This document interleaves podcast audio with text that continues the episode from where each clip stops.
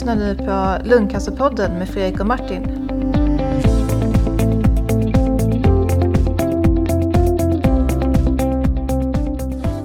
Hej och välkomna till Lungcancerpodden. Tjena Fredrik. Tjena Martin, hur är läget? Jo men tack, det är bra.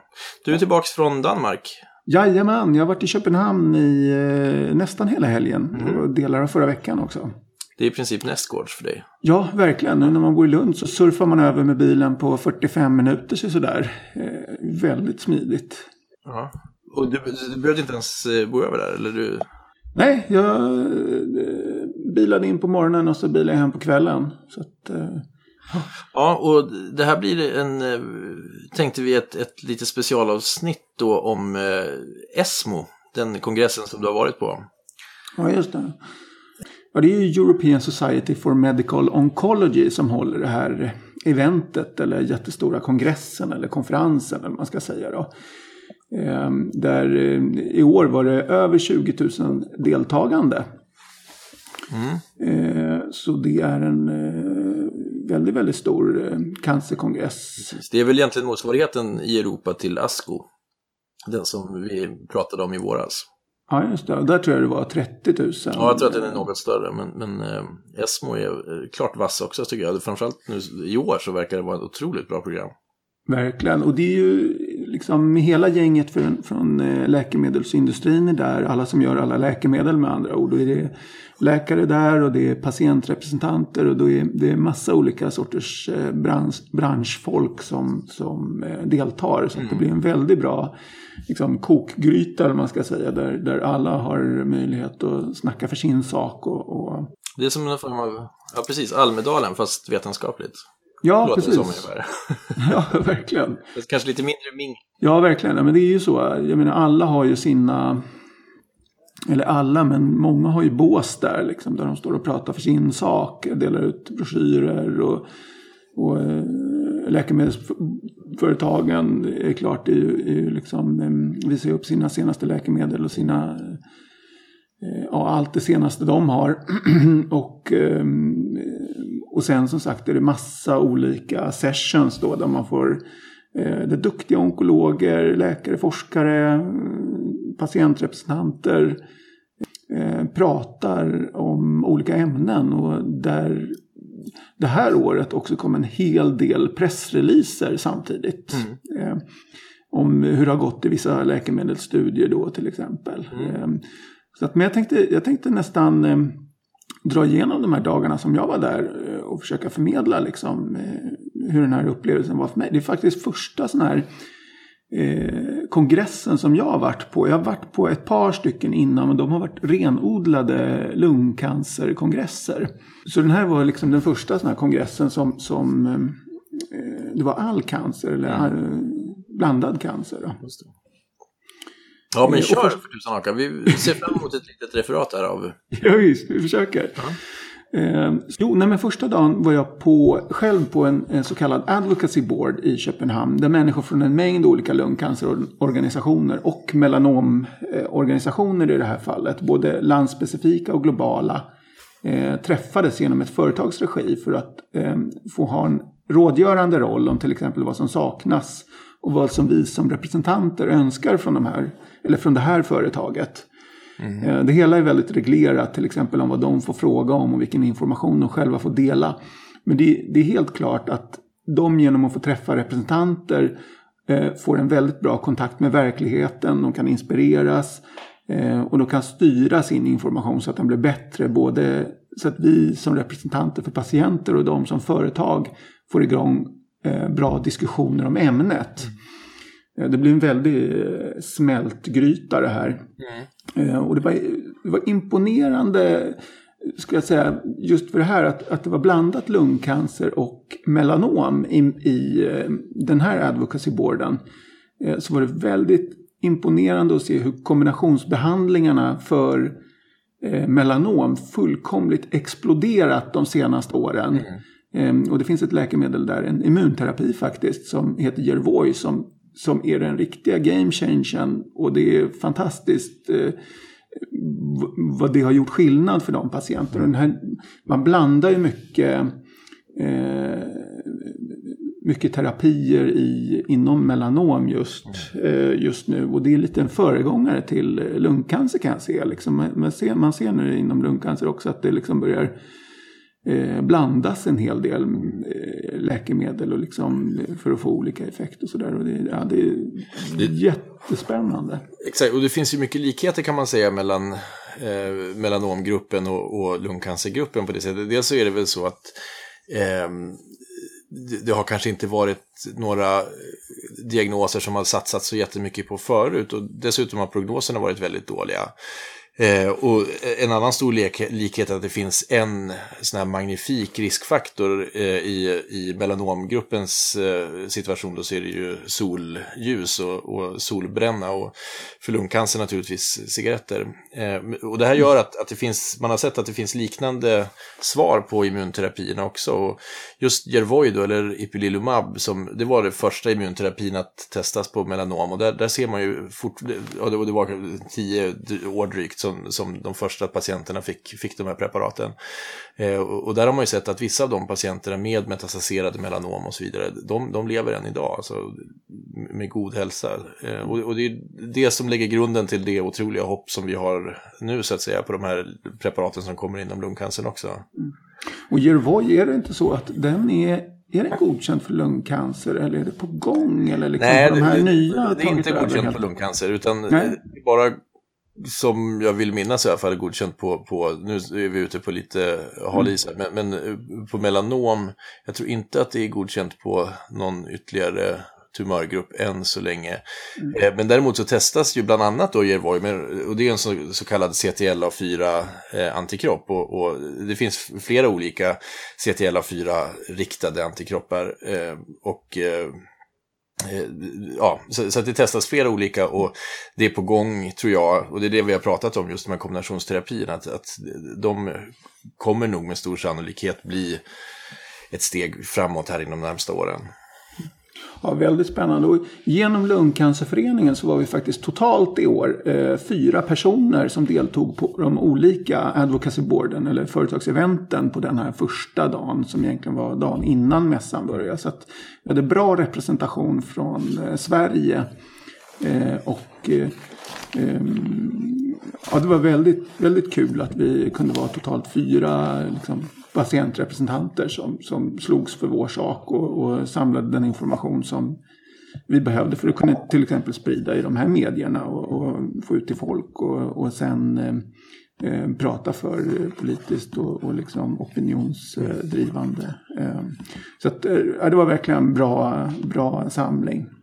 Ja, vad kul. Och det, det vill jag också liksom trycka på, att just det här med, med alltså patientorganisationer är ju jätteviktigt. Det ser man ju i flera, eh, i flera diagnosgrupper.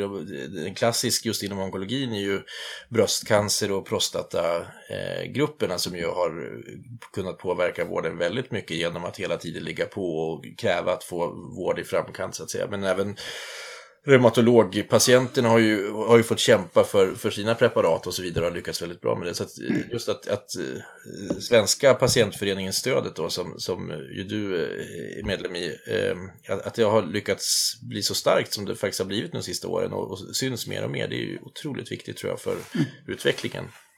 Verkligen. Dag två då egentligen som var mässans start. Eh, då, den officiella mässan började så eh, hade jag lite familjeärenden där på, på eh, förmiddagen. och, men jag kom, jag kom in efter ett tag då till, till mässan och såg på en presentation eller en, en session då om så kallad drug repurposing. Och det är alltså hur man kan använda, hur man ska kunna hitta användningsområden inom cancer för befintliga läkemedel. Mm.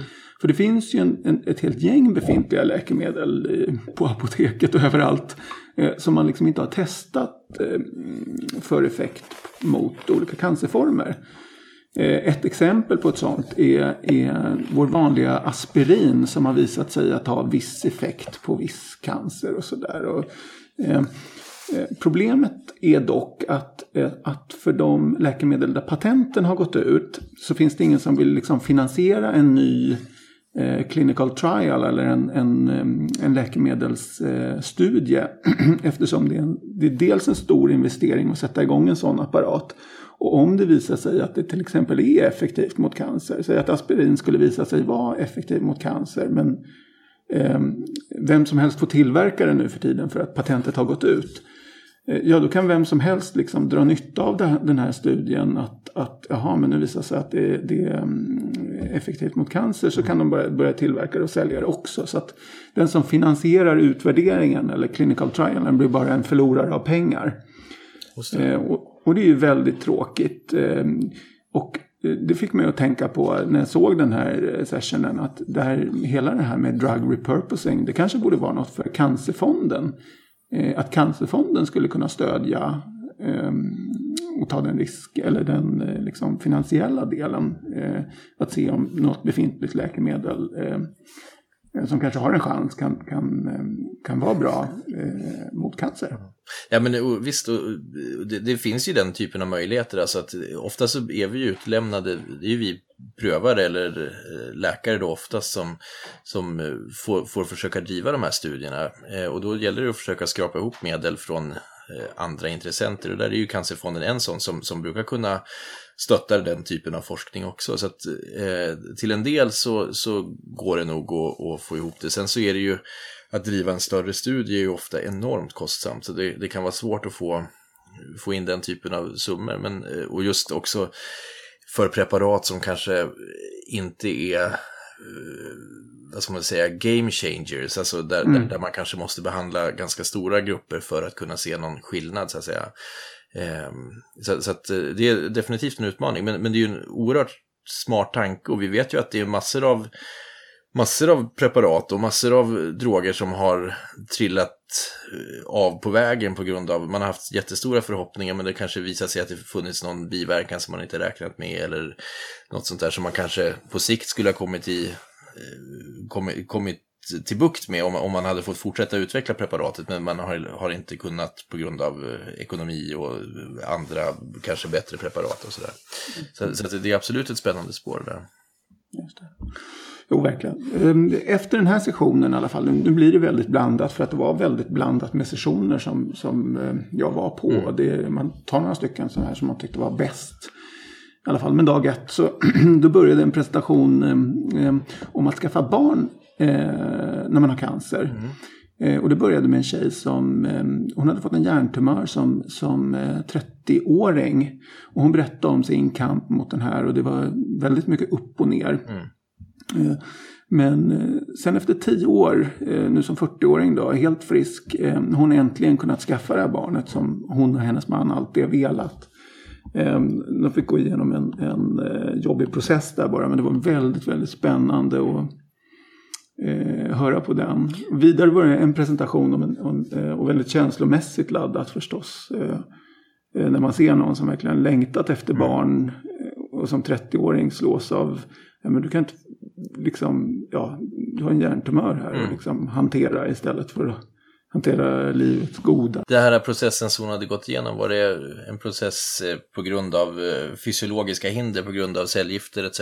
Eller var det en process mot, så att säga, fördomar, eh, tankar, förutfattade meningar om vad som man bör och inte bör göra som, som person som har haft en cancer, eller? Precis, jag, jag slås av det att, att att det inte är så mycket fördomar. Eh, jag vet i Sverige så tror jag att det är mer fördomar faktiskt än vad det är utomlands. Mm. Eh, det är mycket mer i Sverige så här, men ska du verkligen göra det här nu? Eh, du vet ju inte hur det kan gå eller ja, vem vet hur det går imorgon? Det är ingen som vet hur det går imorgon. Ehm, och, och eh, jag, jag, tror att fördomarna finns faktiskt mer i Sverige än, än vad de finns utomlands. Jag menar, i Sverige En intressant reflektion det är att vi, eh, vi tillåter inte IVF-behandling för par där ena parten är sjuk eller under behandling, under cancerbehandling. Än som man har varit gifta eh, under liksom en längre tid. Eh, detta trots att vi nyligen har börjat tillåta behandling för singelkvinnor att skaffa barn genom donatorer. Och vi tillåter det för gaypar och så vidare. Och det är liksom, ja, man undrar var liksom moralgränsen går för, för svenska politiker övriga länder verkar liksom inte lägga sig i människors önskan. Ja. Jo, man kan ju, den, den, eh, vi, vi anser oss vara tämligen liberala i Sverige och det kan jag väl ifrågasätta ibland tycker jag när man, mm. man diskuterar kring den här typen av frågor. Ja, verkligen.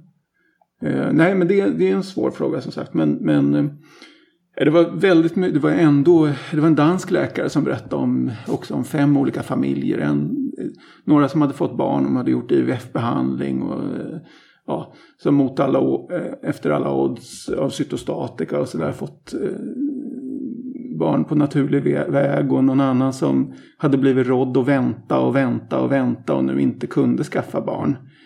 Och e- e- en läkare där som var väldigt, väldigt duktig.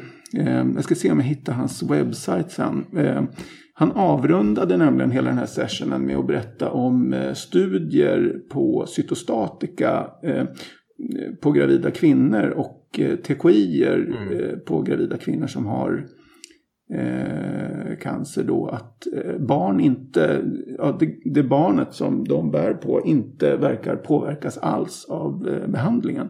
Och det är också väldigt intressant.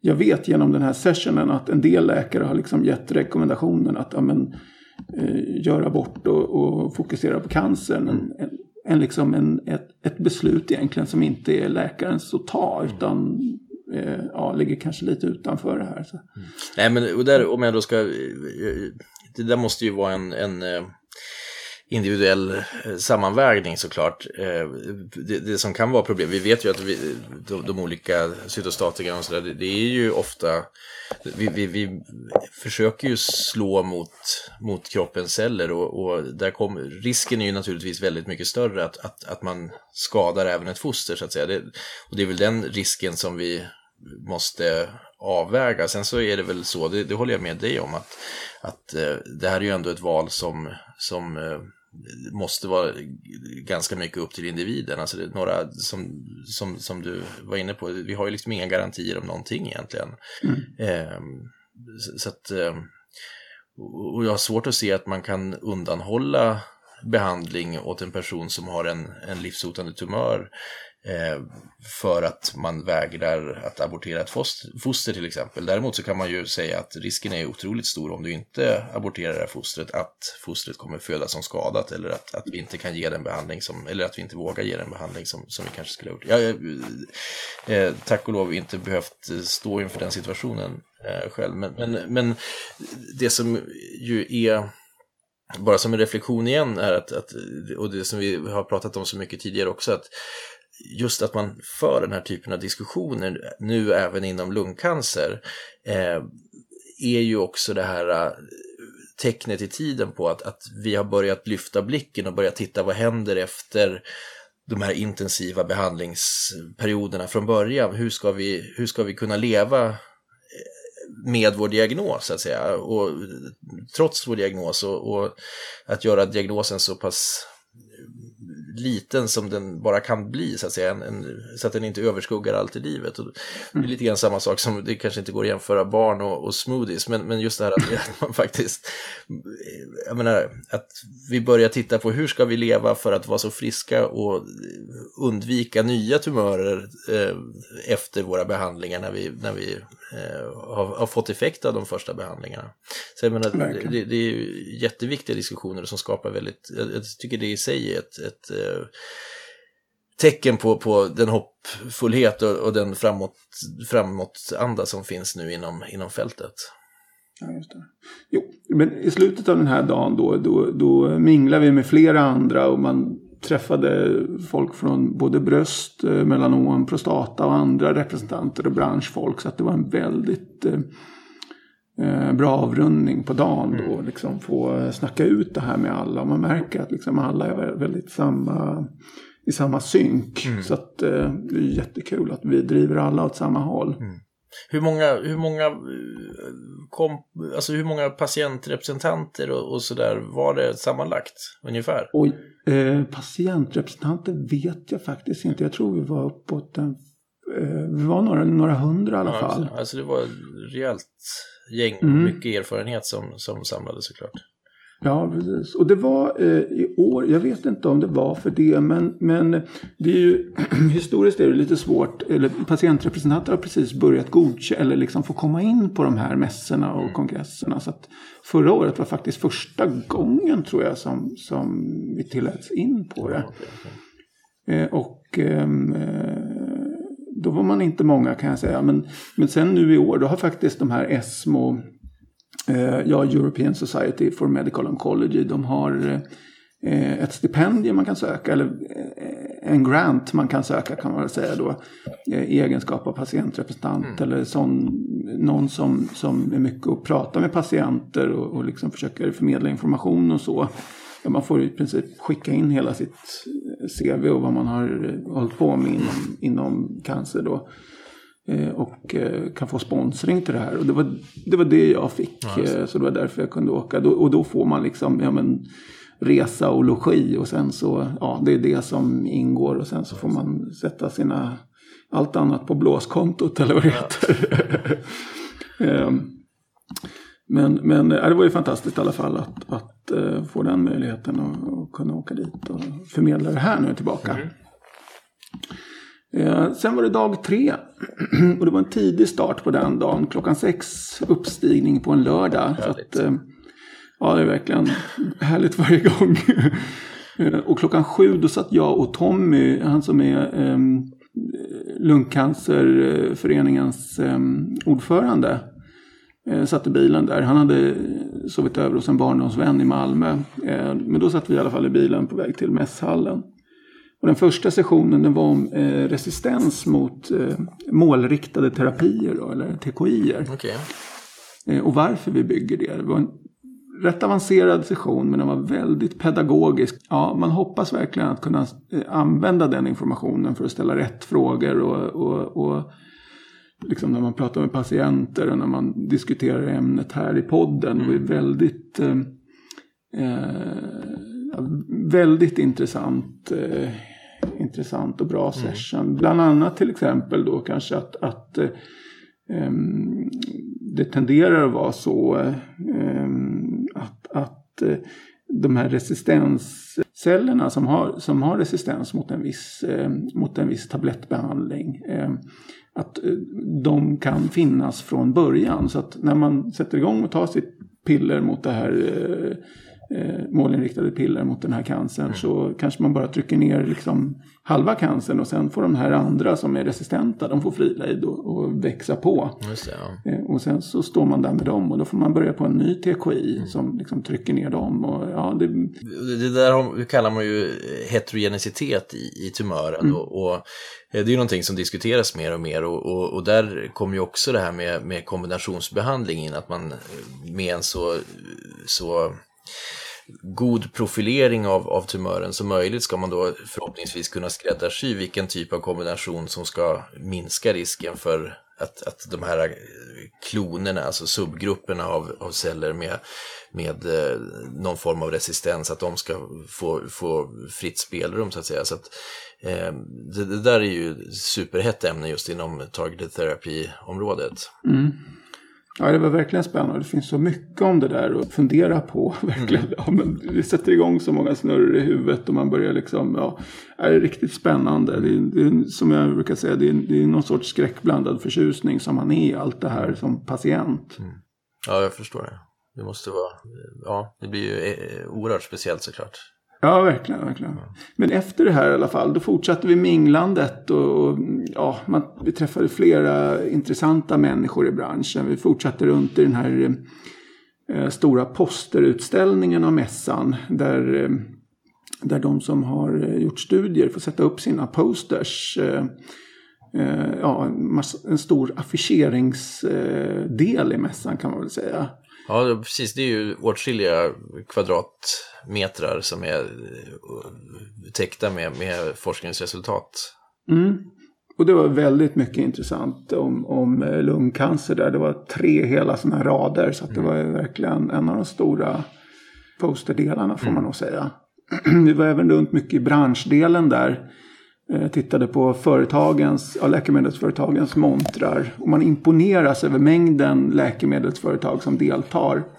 Samt att det även för första gången som jag personligen såg att till exempel BRAF som är en av eh, mutationerna nu är, även verkar bli spelbar inom lungcancer. Jag snappade upp det där någonstans. Precis, jo, där, det har man ju ganska nyligt ansökt om, om godkännande hos eh, Europeiska läkemedelsverket. Mm. EMA, just för, för eh, eh, det är en kombinationsbehandling mot eh, BRAF V600 mutation kallas den. Ehm, och det, det hoppas man ska ja, bli godkänt här eh, ja, tidigt 2017 skulle jag tippa på.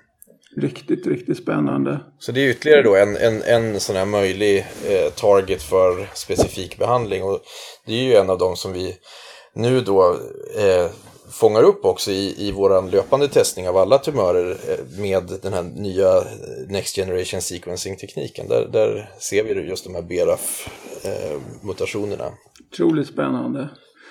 Ehm, och sen så finns det en ny hämmare på gång. Eh, det finns en hel del på, gång. Men som jag tycker är värt att nämna det är den här eh, Loratinib. Eh, en alkhämmare, tredje generationens, mm. som jag såg lite om. Ehm, och den tar ju både alk och ROS1. Och det är ju också nytt. Mm. och det gör den för att det är en C-MET-hämmare. Ehm, och ja, det är jäkligt spännande hela det här att det, det snart är liksom det, det, är fler och fler av de här mutationerna som får eh, liksom mål, målriktade terapier. Det är verkligen... Och, och de blir allt mer effektiva också. Så nu har jag inte sett data på NIB, men eh, det har ju kommit ytterligare både andra och tredje generationens alkhämmare som har visat enormt fina resultat. Senast på, på ASCO så visar mm. de ju en alltså response rate och, och, och överlevnadsdata som var folk var enormt imponerade. Ja. Eh, så, så det finns ju stor potential eh, i de här vidareutvecklingarna av preparaten. Mm. Och där nämner du också några ytterligare av de mutationerna som, som vi kan fånga upp med eh, NGS, eh, just MET. Eh, och sen så i och för sig ALK och ROSET kan vi inte fånga upp i dagsläget med NGS, där krävs det ytterligare en teknik. Men, men den kommer nog att implementeras här under nästa år, det får vi i nuläget göra specifika färgningar för. Men just ROSET gör vi i hög utsträckning redan eh, och, och ALK gör vi ju på alla jag såg faktiskt en sån här, jag var inne i ett bås där med ett företag som eh, eh, håller på med Next Generation Sequencing. Och eh, deras hårdvara, jag ska inte nämna någon namn då, på, men den var väldigt imponerande. Det var inte mycket större än en mikrovågsugn, eh, själva sekvenseringsmaskinen. Mm. Och där så ja, ställde man in biopsin på måndagen och sen så fick man spotta den ur sig i ett dataprogram på fredagen eh, vilka mutationer som fanns, vilka läkemedel som var godkända och vilka som låg i studier. Mm.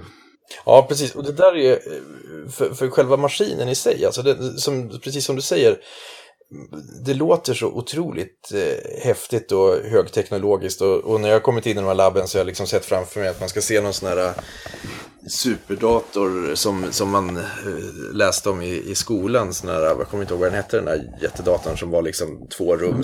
Cray-dator. Ja, precis. Eh, och så står den där lilla vita lådan eh, och ser ganska osexig ut på en sån här labbänk. Och, och, det den gör är ju att den, den är oerhörd på att sekvensera. Eh, och den, i princip så kan den göra sitt jobb. Den, man stoppar in åtta, åtta prover, alltså åtta stycken patientprover samtidigt i den maskinen som är standard här i Uppsala i alla fall. Och det finns de som kan köra flera gånger mer än så. Eh, och sen så på morgonen därefter så det den har gjort då det är att den har spottat ur sig jag för mig att det är ungefär en gigabyte data per patient eller om det är lite mer än så. Så det, det är liksom en enorm massa ettor och nollor och, och sekvensdata som den eh, spottar ur sig. Eh, och, och, det är ju egentligen, egentligen det lätta i arbetet. Alltså det är någon som har byggt maskinen, det är ju väldigt imponerande. Men eh, den biten är nu standard. Det svåra är att bearbeta all den här informationen och det, det är ett jättetidsödande jobb. Och det, det jag tror att de här firmorna nu börjar fatta är att en lika stor del av produkten egentligen är att tolka informationen och få just det du säger, att, att, få en koppling till läkemedel, få en koppling till, för det finns massor av olika typer av mutationer där vi inte vet om de egentligen är kopplade till någon effekt av läkemedel, så man måste få den tolkningen och, och den typen av databaser har börjat byggas nu och, och, och kommer nog ytterligare förenkla och förbättra möjligheten att, att göra rätt tolkningar så att säga av de här datan. Och den var väldigt, de hade alltså, de berättade lite om sin, eh, sin staff. De hade bo, eh, liksom 200 pers som satt och knackade in eh, liksom mutationsdata. Eller man ska säga, liksom letade mm. nya läkemedel och bla, bla, bla. Det var verkligen, och de körde inom flera olika cancer cancerformer också. Så att de behövde väl vara så mm. många. Men eh, det var väldigt sådär exakta. Men, ja, men du har EGFR, Exon 19. Eh, de här läkemedlen, Erlotonib, Afatanib, babababa, finns tillgängliga just nu. Mm. Eh, den här rekommenderar vi och de här är i studier. Och så, ja, det var verkligen mycket info man kan tänka sig. Man kan ju nästan Ja, det var ju verkligen fantastiskt att få den informationen mm. som läkare. Då kan man ju liksom fokusera på, på annat och liksom en, en, ännu högre upp i abstraktionsmodellen. Och det är ju fantastiskt att kunna liksom ha tid med det. Mm. Ja, nej, men visst, det är jätteviktigt och, och just för att det ska spridas ut till alla patienter. Alltså att det inte, man kan inte, alla kan inte ha, ha sin, sin vård på, på de vassaste amerikanska klinikerna och sådär. Utan jag menar, det, det, måste sippra ut liksom till, till eh, den stora massan. Det där är en, en jätteviktig del av det såklart. Eh, sen då den här dagen, eh, ja den blev sen och eh, men där känner jag liksom att eh, mässan fortsätter i huvudsak en dag till men officiellt två dagar till. Då. Men för mig personligen så känns det att de här tre dagarna som jag har varit där, där liksom nu är info, nu har man fått in så himla mycket information så att eh, jag följer eh, liksom resten från internet och eh, men Tommy då, vår, vår ehm, eh, ordförande i Lungcancerföreningen. Han fortsätter en dag till med lite andra aktiviteter. Eh, nätverkande och sådär. Så att, eh, det var helt otroligt eh, fantastiska dagar här på Esmo. Vilken uppslutning som sagt med människor som, som liksom alla är där för att eh, man vill eh, ja, lösa cancerns gåta. Ja. Det är ju en otrolig energi, det är, det är ju min känsla också. Man är ju rätt mör efter de där dagarna. Det, det, är som du säger, alltså dagar som börjar klockan sex och slutar klockan tio på kvällen och massiv information som man ska sitta och försöka och som dessutom är på nivå som, som eh, ja, det krävs eh, hundraprocentigt fokus för att kunna hänga med i det. Eh, Samtidigt som det är just den här äh, smältdegen av kunskap och intresse och fokus och eh, insikt om, om eh, att vi måste komma vidare i den här kampen. Eh, det gör att, att det, det är svårt att, att hålla sig borta från dem, höll jag på att säga. Men det är också otroligt viktigt att, att, att både alltså patientrepresentanter och, och, och läkare eh, forskare har, har möjlighet att, att eh, komma iväg på de där. Det, det, har väl varit tyvärr en tendens i, i Sverige åtminstone de sista åren, även, eller Norden skulle jag säga, att, att det har blivit svårare och svårare att komma iväg på kongresser. Eh, och, och, det tror jag tyvärr är, är väldigt skadligt för, för utvecklingen. Definitivt, det är ju som, som, som om man inte skulle få fortsätta gå i skolan. Ja, det, det, det kan man nog säga. Nej, men och det, för det är ju det. Alltså, jag menar, det är ett eh, område som utvecklas så exceptionellt eh, mycket just nu. Så att, så att, inte kunna hänga med på det där, det gör ju att, att man blir lite... Man, man tappar, tappar mycket av den här eh, möjligheten att hinna med i utvecklingen, att påverka. Det är ju inte bara att, att köpa in en medicin, utan det handlar ju om att sätta upp analysmetoder, att, att ligga i fas med, med, med hela den diagnostiska utvecklingen och så också. Och det krävs att, att man är på hela mm. tiden och ligger på och diskuterar med kollegor för att se eh, att de har hängt med i svängarna och sådär också. Ja, oh ja. ja, man kan inte surfa längst fram på vågen om man sitter hemma i garaget, så är det ju. Då är det ju... Nej, det är nog en bra, bra liknelse. Men du, en, en, en stor snackis som, som, som jag har sett fram emot väldigt mycket det, det är ju immunterapidata från ESMO. Just det, ja, det, det, är riktigt spännande. Det var ju den här eh, om Pembrolizumab faktiskt, ja, Keytruda i dagligt tal. Eh, eh, att eh, ja, de släppte en väldigt intressant press, eh, pressrelease om det här att, att Eh, den i deras studie då visar sig vara mer effektiv än cytostatika i första linjens behandling. Och där kan man ju läsa om mm. på Dagens Medicin idag, dagensmedicin.se. Vill man ha hela artikeln så kan man gå in på New England Journal of Medicine, den publicerades ja, okay, där okay. också alldeles nyligt. Eh, I själva studien. Ja. Eh, och, om man känner att man vill ha liksom rubb och stubb sådär, det kan ju vara lite svårsmält. Eh, men, men eh, det är ju en, ja du får, hur, hur eh, var, var, du på presentationen? Nej, jag var eller? faktiskt inte på den presentationen. Men, men snacket gick liksom där att den skulle komma och att det var någon liksom spännande data som skulle eh, lanseras. Mm. Att det var, eh, det kokade i högsta, högsta grad. Ja, Nej, men, och, och, det, så har det ju varit inom hela eh, lungonkologin nu. Att vi, det, det, vi har väntat på, nu har vi ju varit, det, det, går ju återigen, jag tjatar om att det går så himla snabbt, men jag menar, vi har ju använt då immunterapin här i, i andra linjens behandling efter cellgifter eh, för både skivepitelcancer och adenokarcinom nu i ett år ungefär. Eh, och, och, samtidigt så, och vi har sett att eh, vi har sett effekt, eh, samtidigt så har man då diskuterat hela tiden att är det här någonting som är möjligt att använda även som första preparat, alltså innan cytostatikan. Eh, och, och, att, att knuffa undan cytostatikan från den som ju har varit en backbone, alltså ryggraden i, i onkologin under så oerhört många år nu. Eh, från, från eh, positionen som förstahandsmedel vid, vid, vid spridd sjukdom. Det har ju varit en, en riktig snackis och, och att, att de nu presenterar data som faktiskt visar inte bara att de är likvärdiga eller att, att det skiljer lite grann utan det är en för den här subgruppen som de studerar, alltså eh, lungcancerpatienter som har ett PDL1-uttryck i sina tumörer över 50% Där hade man en, alltså en magnifik skillnad. Det, det, var oerhört starka data. Eh, och, och, det här, menar, om inte det leder till ett godkännande ganska snart så, så vore det oerhört mm. konstigt. Eh, och det är ju ett genomslag för hela immunonkologin. Alltså, det kommer ju en uppsjö av preparat Eh, både inom PDL1 och PD1-hämning men också då ytterligare CTLA4, det kommer de här OX40-preparaten, det kommer andra typer av sådana här checkpoint eh, och, och, och, modulerare. Eh, så, så, att eh, det, det, här, eh, alltså det, går, det har gått otroligt fort att komma dit, att, att, vi faktiskt ser data som, som tyder på att det här kommer bli accepterat som första linjens behandling. Sen så har vi då det som den stora oron och det är ju att det är sådana enorma kostnader kopplade till det här. Det, och det, det har vi ju inte riktigt hunnit mm. tackla än. Eh, och det får vi väl se hur, hur, hur vi ska tackla. Men, men eh, det är ju liksom den stora oron i dagsläget inom, inom sjukvården att, att eh, kostnaderna för de här preparaten har varit mm. enorma. Eh, och just eftersom de, de, är både effektiva och de är effektiva för så väldigt stora grupper. Eh, vi har kunnat acceptera kostnader för eh, enstaka preparat tidigare som kanske har givits till en eller två procent av, av patienten och haft väldigt, väldigt god effekt.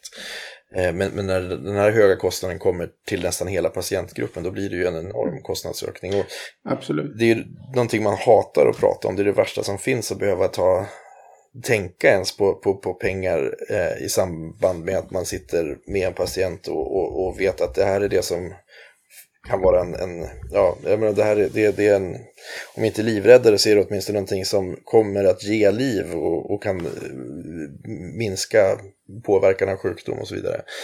Just eh, men, men, eh, samtidigt så finns det ju då en realitet där vi faktiskt har en, en där vi har en pengasäck och det måste räcka till väldigt mycket annan sjukvård också. Mm. Så det, där, det där är ju en diskussion som kommer föras jättemycket och som måste föras. Och jag tror att vi, vi måste, där har nog patientorganisationerna också en väldigt viktig roll att spela. Just att, att hur, ska man, hur ska man använda de här pengarna som vi har och hur ska vi på, på det bästa sättet så att säga. Absolut. Sen får vi nog komma ihåg också att kostnaden för läkemedel på den totala budgeten är eh, Väldigt lite. Jag tror det ligger på 3% eller något sånt. Um, om man tittar på hela uh, landstingsbudgeten mm. eller någonting sånt. Ja, det, det, är mycket möjligt. Och, och så här, återigen, alltså, kostnaden ska ju egentligen inte vara en issue. Men, men, men, samtidigt så är det ju så att eh, Eh, vi, vi hela tiden står på något sätt, vi, alltså vi som jobbar i landstingen, så vi, vi, vi står lite grann inför eh, stupet hela tiden. Det är neddragningar och det är allt vad det är, besparingar hit och dit och sådär.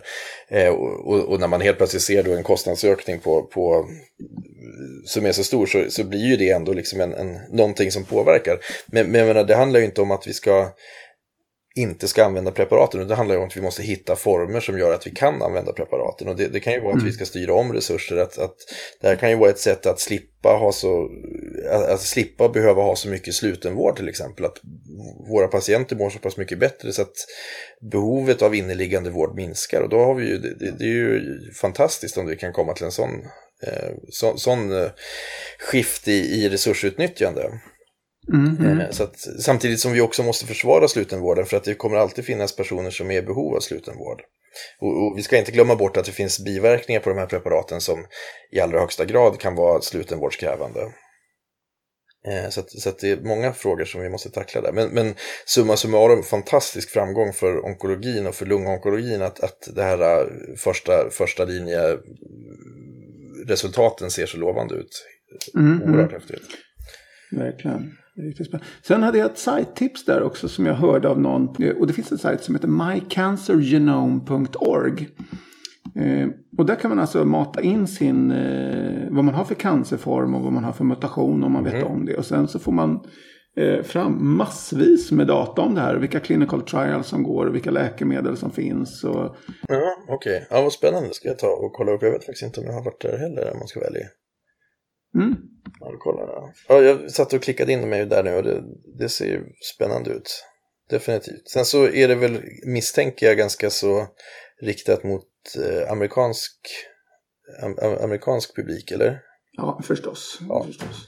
Men, men ändå, det ger ändå, jag menar, finns det, finns det en studie så är det inte omöjligt att den finns i, i Sverige. Och där kan vi också påminna om den här eh, studiedatabasen som man har börjat bygga nu på och, och faktiskt är publicerad på, på Cancercentrums eh, eh, hemsida.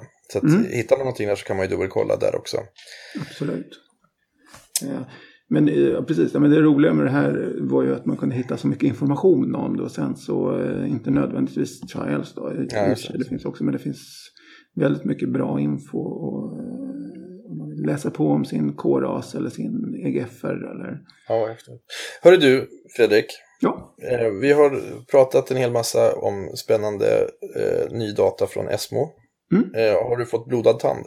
Ja, verkligen. Nu måste man åka på nästa och nästa och nästa också. Ja. Hakar du på på Asko i maj, juni 2017? Ja, jag ska se där om jag kan eh, få någon grant till det. Så åker jag gärna. Då. Ja, det, det, för det vore jättekul att köra ett live båda två från, från Asko nästa år. skulle ju verkligen mm.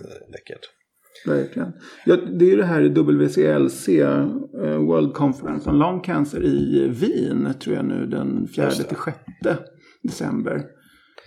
Just det, ja, du får gärna åka. Jag, jag har inte möjlighet att åka på den heller tyvärr. Så jag, jag sitter still i båten här i Uppsala eh, under hösten. Okay. Eh, så det är bra om du representerar Lungcancerpodden på, på VTLC. får... ja, jag ska försöka. Jag, jag är inte riktigt heller eh, den kapaciteten kanske åka då. Jag förstår. Vi får se om det blir. Eh, annars så tror jag säkert att det är någon från stödet definitivt som kommer att åka som vi kommer, ja. kommer kunna få en rapport från. Ja, men vi satsar på gemensam livesändning från ASCO 2017. Ja, absolut. Det, det, ja. det blir kanon. Du, tack så fantastiskt mycket för en bra och spännande rapport. Ja, detsamma detsamma. Hörs vi igen misstänker jag, typ som nästa vecka eller så. ja, typ. Okej. Okay. Hörru du, fastän vi, jag såg på nätet nu att, att vi kommer sända live från lungcancerdagen den, är det första eller andra november? Ja, men det är den första november. Okej, ja, men toppen. Ja, precis. Att då, är, då är det lungcancerdagen på Oscarsteatern. Ja. Så alla som vill är välkomna dit. Och eh, föranmälning eh, gör man gärna på eh, Eh, stödet.se, Lungcancerförbundet stödets eh, hemsida. Så får man komma dit och uppdatera sig om allt nytt. Och, ja, det var många intressanta dragningar såg jag.